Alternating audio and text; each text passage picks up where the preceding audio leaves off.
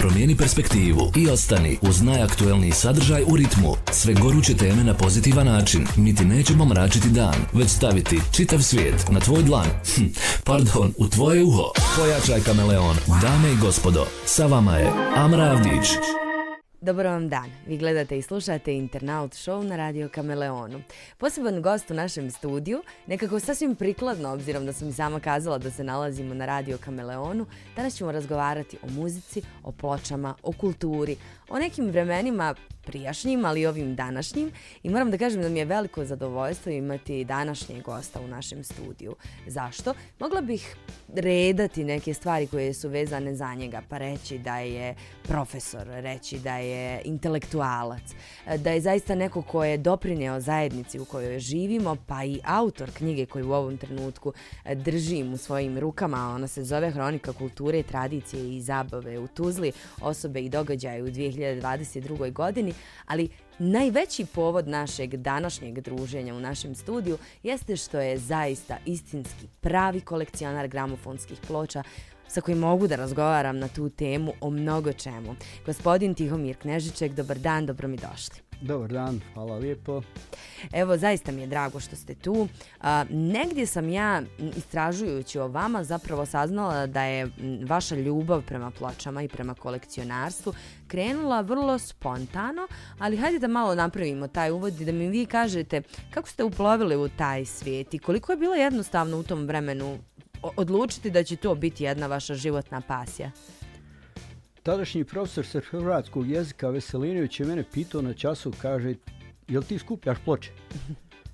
Ja gledam, ne skupljam. Moj brat je, na primjer, stari od mene 8 godina i on je imao ploče i tako, ali to uopšte nije bila sfera mog interesa.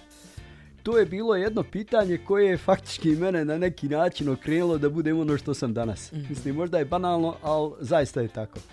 E, nakon tog pitanja ja sam nekako imao osjećaj da, e, da je to ipak prostor koji bi eventualno mogao da zadovolji neke moje mladalačke interese u to doba. To je bilo 1977. godine konkretno.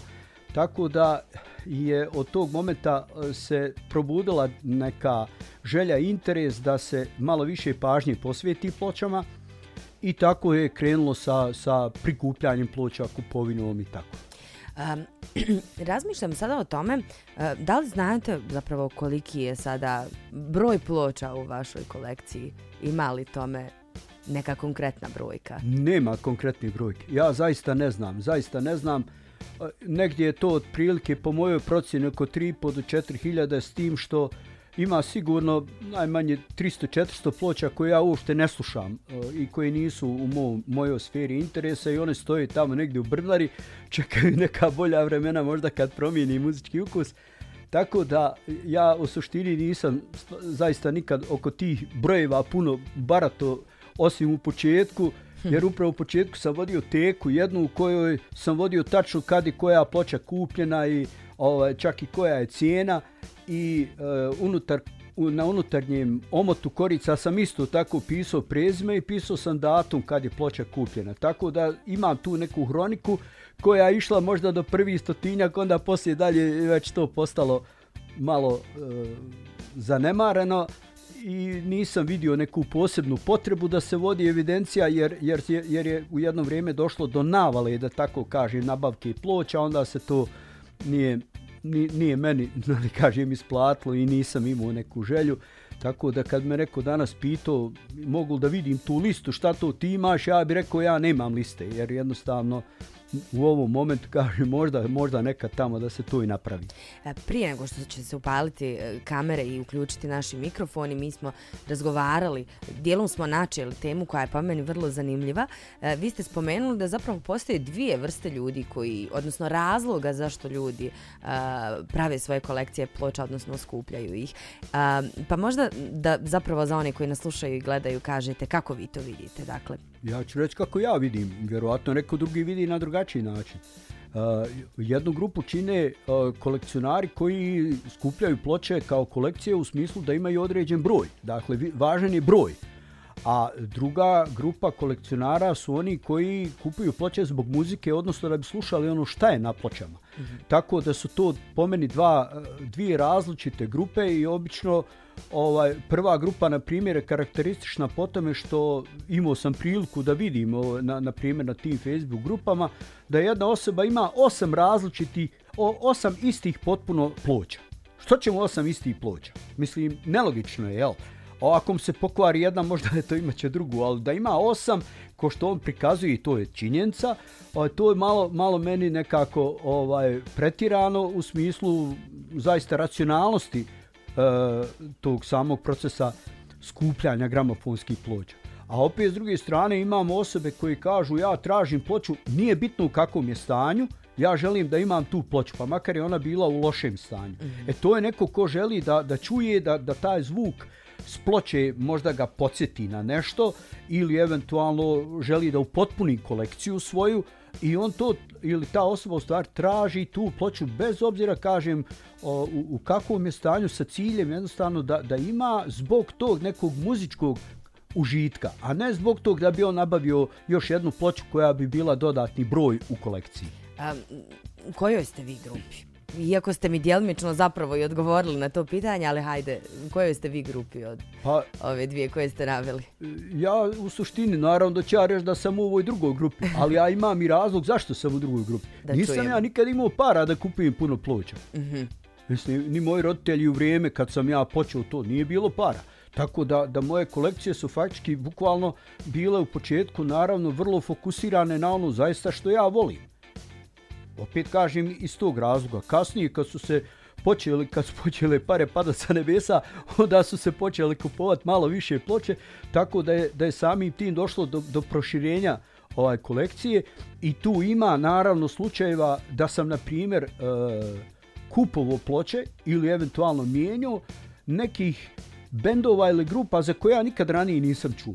I jednostavno me zanimalo da vidim e, šta šta je na toj ploči. Ono što me opredeljivalo, na primjer, je omot. Mm -hmm. Jer se zna otprilike u pojedinim tim uh, godinama kad se šta radilo, koji je bio popularan muzički trend, tako su se faktički i omoti ovaj, pratili taj muzički trend. I sad kad čovjek uzme omotu, on sa 80% preciznosti može da kaže iz kojeg je perioda ploča, iako nikad nije čuo za nju. Hm. Tako da ima tu ovaj, nekih znakova koji su mene opredeljivali da uzimam te, te nepoznate ploče i tu se i također onda otvorilo jako, jako široko područje otkrivanja novih potpuno muzičkih pravaca čak jer moj preferencijalni to je, to je onaj rock što bi rekli ne, ne pop nego rock ali i tu ima, to, to, to je nevjerovatno. Upravo sam vas htjela pitati, kada ima čovjek takav jedan, uh, hajde da ne kažem hobi, jer mi se čini da je to daleko veće od nekog prosječnog hobija, e, kako se formirao kroz godine vaš muzički ukus skupljajući ploče? Prvi uticaj je e, na osnovu muzike koju je slušao moj brat. E, on je slušao, na primjer, to što ja sjećam, je donosio kući, ploče, to je ovaj ljubavna priča Love Story, to je muzika iz filma. Uh, Creedence, Creedence Clearwater Revival, E, Led Zeppelin, drugi album. Tog se sjećam. Bilo je onda koje singlice koje on kupovao od Arsena Dedića, od Elvire Voće, od uh, Bee Geesa i tako. I to je, to je možda neka, neka vrsta, ajmo reći, e, puta koja je mene dijelom opredijela da to ovaj, da se opredijelim ka tom pravcu. I jedan, jedan možda potvrda tog je jedan zanimljiv događaj iz eh, srednje elektrotehničke škole kad sam ja već uveliko skupio, da tako kažem, ploče i kad je jedan od kolega donio jednu ploču i kaže da je pustimo na razglas, jer tad su u školi pustile ploče za vrijeme odmora i ja sam radio na tom razglasu i onog momenta, ja nisam znao šta je, on je meni dao ploče, ja sam stavio na, na gramofon I onog momenta kad je se pojavio ono što se kaže prvi ton, ja sam prepoznao te kridense koji nisam godinama čuo. I mene je to oduševilo, tako da ovaj, nakon toga sam naravno počeo da tražim i tu ploču našu. I, I tako je to nekako kretalo, ali vremenom kako sam ja vjerovatno muzički i onako kao osoba sa zrijevo, onda sam tražio i, i druge alternative, tražio sam druge e, pravce u muzici. A, tu, tu je bilo na primjer, nekoliko vodilja koje su meni pomagali, a to je, na primjer, ilustrovana rock enciklopedija koja je izišla tamo negdje 70. ja mislim 7. 78. godine koju sam kupio na rate u knjižari Svjetlost. I ta je ovaj knjiga uh, faktički, odnosno enciklopedija koja sadrži i uh, autorska izdanja, meni pomogla da ja vidim, na primjer, koji su autori šta od ploča izdavali. Mm -hmm. I da i to bude neka smjernica. I onda u kasnijem periodu, na primjer, sam dobio katalog Blackmaila koji je nastao faktički tek u vrijeme kad su se pojavili CD-ovi, to je negdje 96. 97. A, to je katalog britanskih a, ploča, odnosno izdanja ploča, gdje se pojavilo more, more tih ploča koje za koje, i autora za koje ja nisam pojma imao nikad čuo. I eto, tako su ta saznanja ovaj se mijenjala i, i na neki način, ne mogu reći da se ukus promijenio, ali je doživio neka unapređenja, da tako kažem.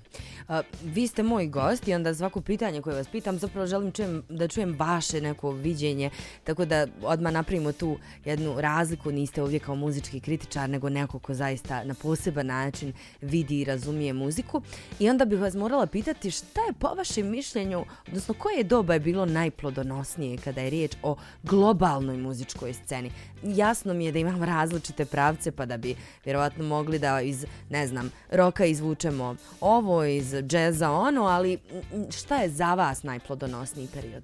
Woodstock 1969. godine. To je za mene svjetski događaj, mislim nije samo za mene, ja vjerujem da svi za oni koji, koji imaju imalo nekog dodira sa muzikom ne mogu zaobići Woodstock. A, a zašto? Zato što je u stvari u to vrijeme upravo došlo do tog procvata rock kulture koja je nosila sa sobom rock muziku. Različitih stilova jer mi imamo tamo, mislim, zna se, jel, od, od Hendrixa do Šana Na, koji imaju potpuno drugačije muzičke pravce.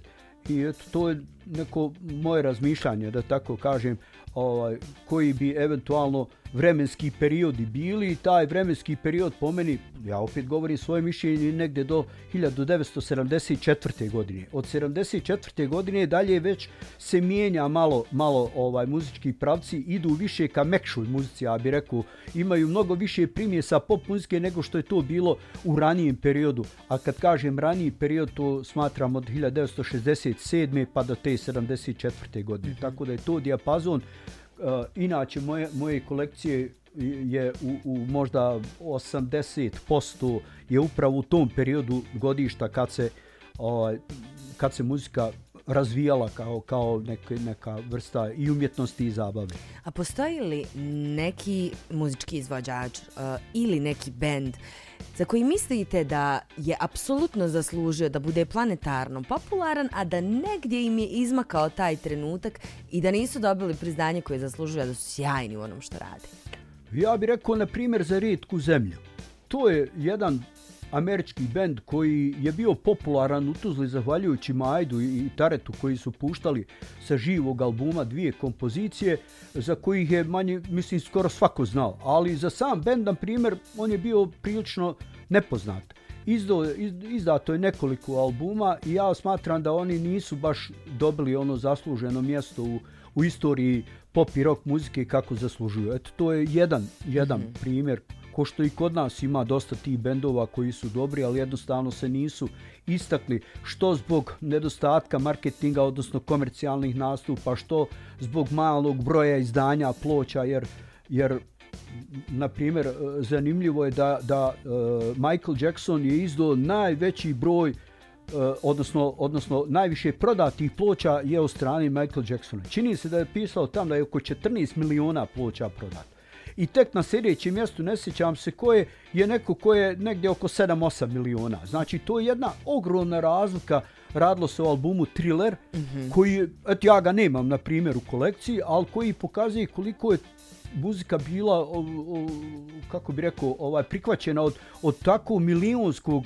o, slušateljstva i on je priznat, ali neki mnogi koji su se našli na tim listama nisu ipak ovaj, došli na ono Jasne. mjesto koje zaslužuju. Ima li među vašom, odnosno unutar vaše kolekcije neka baš uh, onako rijetka, rijetka, rijetka ploča, zna, da vi znate da je izrazito teško doći do nje? Ja nisam siguran da imam takvu ploču, jer e, manje više ono što ja smatram da je rijetko, kad pogledam malo po internetu, vidim ljudi prodaju. Znači, nije to tako Aha. rijetko. Ali ja opet e, smatram da ima ploča koje su nastale, na primjer, iz doba 70-ih, opet govorim, to su naša domaća izdanja, kao što su, na primjer, Boom festivali 72. 73. i 74. godine.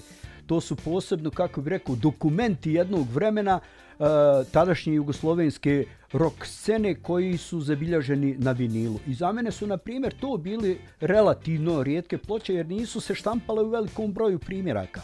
E sad, druga je stvar što oni nisu naj, naišli na slušateljstvo zato što je različit dijapazon izvođača na tim pločama. Ko Zdravke Čolića, na primjer, zna se Zdravko Čolić pjeva i, i ovaj, sve su njegove kompozicije i album je njegov i on može da ima vrhunske tiraže, a na primjer te, nazovimo ih kompilacije, one ne mogu da imaju velike tiraže iz prostog razloga što ako nema, na primjer, ako jedna kompozicija, na primjer, govorim, Zdravke Čolića, on se nije pojavljivo na tim boom festivalima, da ona tu, ona, ta ploča ne bi imala opet prođu. Ne, super mi je zanimljivo ovo što ste kazali. E, negdje kroz internaut show uvijek, pošto su nam gosti zaista iz različitih domena života, I uvijek pravimo poveznicu sa ovim novim dobom u kojem živimo, gdje je sve digitalizovano, sve je na internetu i tako dalje i tako dalje. I sada kada pričate te stvari vezano za ploče, e, ja tačno mogu da nađem poveznicu recimo sa dosegom pregleda određenih muzičkih e, spotova ili koncerata e, i dosegom tih stvari. E sad, kako vi vidite ovu um, neću vas pitati čak ni za žan muziku novog doba. Interesuje me kako vidite da je internet uticao na razvoj muzike u vremenu u kojem živimo. I da li vam se to dopada ili... Meni se lično dopada iz jednog prostog razloga što, evo, YouTube, na primjer, je dostupan besplatno, jel? Gdje manje više se postavlja sve što je raspoloživo na zemaljskoj kugli. Što znači da ja, ako nisam imao priliku da kupim neki album, ja ga mogu na internetu čut. Mogu ga čak i skinut, dakle, pa ga slušat u nekom formatu na računaru ili kod kuće na, na nekoj liniji, ali naravno tu treba imati uvijek u vidu da taj kvalitet zvuka ne odgovara kvalitetu izvornog nosača zvuka, da li je ploča, kaseta ili traka, nebitno. Tako da ja smatram da, da je to jedan pozitivan korak. I uh, sjećam se u, u, prije, to ima sigurno deseta godina, kad su se pojavili, ovaj, uh, nazovimo, programi koji su omogućavali skidanje pjesama, odnosno ploča sa interneta, besplatno, I onda je u, u jednom momentu su tu počele, valjda kako, je, kako su i ovi koji to rade shvatili da mogu da zarade, onda su postavljali ovaj, neka ograničenja i ko je ufatio, ufatio. Znači, ono ko je šta poskidao, dobro je, ako nije poskidao, kasnije morao da plaća. Međutim, kažem, sad ponovo se, zahvaljujući YouTube-u, ipak se to promijenilo i ono što, što je dobro, to je što vrlo lako, brzo se može e, preslušati nešto što je novo, na primjer, mm -hmm. i na osnovu toga donijeti određen zaključak, ko što ja imam, na primjer, naviku, jel, pa vidim neku, neki, neku grupu, da tako kažem, ploča, pa onda uh, skinem jednu, dvije, uh, malo poslušam, vidim je li to za mene, nije za mene. Ako je za mene, onda idem dalje da vidim taj, na primjer, bend koji je izdao tu ploču, šta još ima, pa onda se i to skine sa interneta i onda se čak stvori neki novi, potpuno uh, uh, novi ukus. Ko što mi se desilo, na primjer, sa grupom koja se zove Daliborovo granje koja je potpuno za mene bila nepoznata, ja ne bi ni znao za nju da nije, na primjer, interneta, odnosno u, ovom slučaju YouTube. Ima takvih još dosta. Kažu da, ovako ljudi nekako komentarišu da to pokušam sažeti. Današnja omladina sluša katastrofalnu muziku, to je sve samo pod navodnicima zlo, užast, katastrofa. Onda s druge strane, gledajući raznorazne dokumentarne filmove, što je moja nekakva lična strast, zapravo svi vrlo lako možemo posjedočiti da su i za jednog Elvisa govorili da je strašan. Naravno, ja sada njega ne poredim sa muzikom ovog doba, ali hoću da vas pitam da li mislite da jednostavno ono u što mi nismo odrasli nam je uvijek tako katastrofalno ili strano i da li možemo naći negdje razumijevanje i za ove mlade ljude? Ovi stariji, ja mislim da to teško mogu da, da sebi priušte takav način razmišljanja. Jer mi se sjećamo, na primjer, kad se pojavio punk rock, mm -hmm. to je bilo, to je baš od samog nastupa, odjevanja, uh, agresivnosti u muzici, nastup, ovaj, samih koncerata, skakanja, fizički obračuna i tako dalje. To je nekako bilo o, za, za ono koje je slušao, na primjer, muziku 70. godina, ipak bilo malo pretirano. Ja. I samim tim je i taj žanr bio malo sklanjan, ali i on imao svoju publiku i slušalci ljudi su kupovali ploče. Tako i u ovom današnjem vremenu isto sve što mi imamo to je sve stvar vremena i ono što mladi smatraju da im odgovara, oni to mislim ko što smo i mi radili slušaju. E sad je druga stvar e, da, da li to ispravno ili nije, jer o ukusima nikad ne treba raspravljati, to se zna, pa on u ostalom i mi svi smo imali različite pravce u muzici i u doba kad, evo, konkretno kad sam ja počeo da skupljam, imali smo grupe, nazovimo, društva koja su slušali narodnu muziku, imali smo drugu grupu koji su slušali onaj, ovu, nazovimo, zabavnu pop muziku, oni koji su slušali klasičnu muziku, njih nije ni bilo, tako jazz isto jako slabo je bio zastupljen, tako da su te, to su bile dvije na, glavne, glavne grupe koji su imali svoje ukuse i ljud, svako je tu nalazio zadovoljstvo u tome da sluša ono što njemu odgovara. Tako i današnja isto omladina i današnja muzika koja se pravi je o, vjerovatno evo tipa rep prilagođena upravo tim današnjim o, o, razmišljanjima omladine i kako omladina posmatra na primjer ovaj današnje stanje svijet e, ekonomiju sigurnost omladinski život i tako dalje ali ne treba zaboraviti da i u današnjem vremenu ima izuzetno, izuzetno dobrih i, i, i kvalitetnih bendova i na našem području, na primjer, koji sluša različit spektar slušalaca, znači od onih koji imaju 70 godina, ovaj, eto ja sam negdje 60, tu 3, 4, do onih koji faktički su tu negdje 18 godina. I za mene je jako lijep primjer grupe Zabranjeno pušenje. Kad gledam njihove koncerte, na primjer u Skenderiji, na internetu, jel? U Skenderiji ili ovaj, u, u Zagrebu, pa ono je fantazija. Mislim, tu govorimo o kvalitetu, o kvalitetu onog što oni prave. A, a isto tako paralelno vučemo sa publikom. Jeste, jeste. Koje je u publici. I kad vidimo da tamo ima mladih osoba koji su možda nisti rodili kad je ovaj zabranjeno pušenje počelo da radi, to je znak da, da ta muzika je prihvatljiva za, i za tu populaciju. Apsolutno, ali podijelit ću s vama neko svoje opažanje. Čini mi se da, je, da su mladi ljudi, pogotovo je neke baš, baš najmlađe generacije, odnosno najfriškije, uslovno rečeno, da su jako fluidni kada je reč o muzici. Pa onda neko ko sluša zabranjeno pušenje će sasvim uredno otići na neki drugi koncert, imati vrlo pomiješan uh, muzički ukus, negdje se ne ograničavaju, a kada recimo se vratimo možda 30-40 godina unazad, čini mi se da je upravo muzika, e sad ćete me vi ispraviti, ispraviti ako grešim, ali da je upravo muzika bila nekakva na kakav način kako smo se dijelili. Pa su ovi slušali rock, ovi su slušali pop.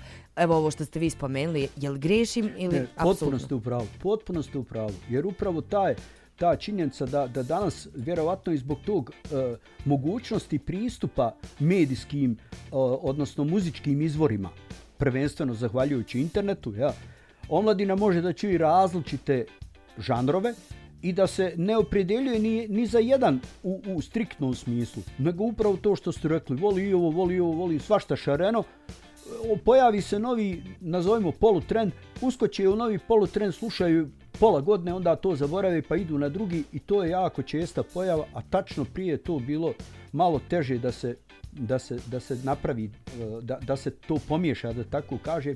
Između ostalog što treba imati u vidu, e, da to se moglo, to se moglo uh, tumačiti da mi smo slušali ploče. Ploča je fizički, jel, tu je komad mm -hmm. plastike i imali smo priliku da slušamo radio programe gdje su se slu, ovaj puštale, puštala se muzika što bi se reklo, odnosno ploče. Što znači da i, i, i prilično je ograničen taj bio ovaj nivo uh, različitosti. U odnosu na ovo danas, gdje upravo zahvaljujući telefonima, internetu i tako, ima mnogo, mnogo širi spektar tih, tih muzičkih opcija koji se nude. Koliko je skup sport skupljati ploče? Pa ja mislim da, da u suštini onaj ko, ko hoće da napravi jednu ličnu kolekciju, ne treba mu puno novca. To kad kažem ne trebamo puno novca, to smatram negdje otprilike do 1000 km-ova. pod, pod jednim uslovom, da ima gramofon. Jer veliki broj osoba o, ima problem, evo ja lično sam slušao par kolega koji se raspituju kako da nabavljaju ploče, a ja pitam imaš li gramofon, kaže ne, lako je to meni, kao nabavću ja gramofon, nije to meni problem. Međutim, nema gramofona, dok, dok god ga ne nabavi, to je preduslov. E sad je druga stvar šta se na tržištu nudi od, od, od gramofona, jer o, u znatnoj mjeri zaista zavisi u stvari zavisi od igle ne toliko od same one kutije gramofona, nego zavisi od igle i zvučnice. Šta je to što ploča u stvari nudi onom ko sluša? Mm. Da, možete li nam onda dati sjajno, uh, e, možete li nam dati neku preporuku na što moramo obratiti pažnju koliko smo zaista evo u ovom trenutku razmišljali da nabavimo sebi taj prvi korak gramofon? E, obično na, na tržištu se zna koji gramofoni su na, na, na e, prepoznati kao kvalitetni gramofon i oni se između ostalog prepoznaju po malo višoj cijeni uh -huh. u odnosu na klasični, nazovimo, neki gramofon. Sad onaj ko se opredjeljuje da, da istinski uživa u muzici i da sačuva ploče, što je vrlo bitno, on se mora opredjeljiti da kupi neki malo kvalitetni gramofon, a taj malo kvalitetni gramofon može se naći, na primjer, za na primjer 500 km-ova, a da ne govorimo da ih ima po čak i po desece, eh, desetak hiljada maraka, ali ja govorim o ovom normalnoj populaciji. A ako se želi, na primjer, ići u neki, neki eksperiment u smislu, hajde da ja vidim malo kako te ploče funkcionišu, da li to meni odgovara ili ne odgovara, onda mogu da idu i ovi malo jednostavni gramofoni koji su jeftiniji i za koje se lakše nalazi ovaj gramofonska igla. Jer u suštini gramofonska igla je maltene osnova osnova uh, kolekcionarstva ploča. Mislim, ploče u redu, ona stoji na polici, sve u redu, ali ako želimo da je čujemo, nama treba igla. Čak i ako imamo gramofona, nemamo igle, nema od tog ništa. Znači, treba nam igla koja je uh, dobra igla, koja neće uništiti ploču. Uh, i uh, koja će dati dovoljno kvalitetan zvuk da onaj ko očekuje dobar zvuk da ga i dobije. Ja sam na primjer u početku dosta svojih ploča uništio zato što sam koristio ovaj gramofon, to je bio Traviata stereo sa drvenom kutijom, drvenim poklopcima koji ima onu najjednostavniju iglu i meni je bilo bitno da svira. E sad kad su prošla neka vremena, ja i dan danas sve te ploče imam i kad ih stavim na gramofon ili gramofone koje imam gdje su malo jel, bolje igle i, i bolje glave, onda se osjeti to da to ta ploča malo šušti, malo nekad nešto kvrcne i tako, mm -hmm. što je u stvari uzrokovano tim, tim lošim iglama. E, privodimo ovaj razgovor kraju. Nažalost, nemamo toliko vremena koliko bi ja mogla da postavljam vama pitanja, jer me ovo, ova tema strašno interesuje. Ali e, šta je ono najposebnije u slušanju ploča umjesto ovom nekom standardnom slušanju muzike putem interneta ili drugih kanala? Šta je ono najljepše? Posebnosti kad se plastika uzme u ruke, vinil, jel? To je jedan, jedan poseban osjećaj. Znači, i ploča se, zna se kako se uzima. Ona se u suštini ne bi trebala da prstima dodiruje ona površina gdje su brazde, nego ide ovi vrhovi prsti idu na onu naljepnicu koja je od papira, sam ru ploče nalegne na, na ovaj dlan tako da nema nikakvog otiska. E taj osjećaj sam kad se ploča vadi iz, iz unutarnjeg omota, i o, kad se onako postavlja sa mora se s pažnjom postavljati na gramofon e to je jedan jedan poseban momenat o, drugi poseban momenat je kad dobijemo na primjer novu ploču potpuno. I onda ovaj da je sagledamo. Znači isto ko čovjek kad uzme kad dobije knjigu on uzme malo korce gleda malo je prelista na brzaki šta ima unutra. Ista je situacija i sa gramofonskom pločom. Dobijemo omot i šta je unutra? Kakav je kakav je sadržaj, šta piše i tako. I to su posebni osjećaj, ali moram jedno podijeliti ovaj iskustvo. Kad sam, evo, zadnji put kad sam ja kupio novu ploču, to se kaže, to je bila jedna narčba iz, iz uh, što bi rekli, iz Amerike, to, to je vrlo bitno, ali to su bili albumi Woodstock 3 i 4 i kad je to došlo i sad ona je normalno upakovana u ambalažu i onaj osjećaj kad se otvara ambalaža i kad se pojavljuje omot. To je nešto nevjerovatno. I onda kad sam to podijelio s nekim kolegama, oni kažu ne, zna, ne znaju oni koji nisu dobili ploču iz engleske šta znači kad dobiješ ploču iz engleske. Jer je to bilo poseban događaj, znači neko je prijatelj, roditelj i tako dalje, donese ploču, ploča se vadi na primjer iz kese i onaj sam prvi osjećaj kad vi vidite da se to pojavljuje, to je nešto fantastično. To, to, to je osjećaj koji se ne može e, ni, ni u jednom momentu zanemariti. E, tako i kod mene isto. Ja mogu samo na kraju da vam se zahvalim. Uh, mislim da to što radite je prekrasno, ali da vam se svakako i zahvalim što vi zaista jeste uh, jedna, jedna društveno odgovorna osoba koja daje doprinos mjestu gdje živimo na hiljadu različitih načina, ali evo bilo mi je zaista zadovoljstvo razgovarati s vama. Ba i meni je zadovoljstvo jer to je očuvanje tradicije u, u smislu očuvanja uh, kulture, slušanja muzike i tako. Eto to je. Hvala vam još jednom. Hvala i vama, prijatno. Hvala i vama što ste bili uz nas. Nadam se da ste se zabavili, naučili nešto korisno onako kako se ja u ovom trenutku osjećam i svakako vidimo se u narednoj epizodi Internaut Showa. Promijeni perspektivu i ostani uz najaktuelniji sadržaj u ritmu. Sve goruće teme na pozitivan način. Mi ti nećemo mračiti dan, već staviti čitav svijet na tvoj dlan. Hm, pardon, u tvoje uho. Pojačaj kameleon. Dame i gospodo, sa vama je Amra Avdić.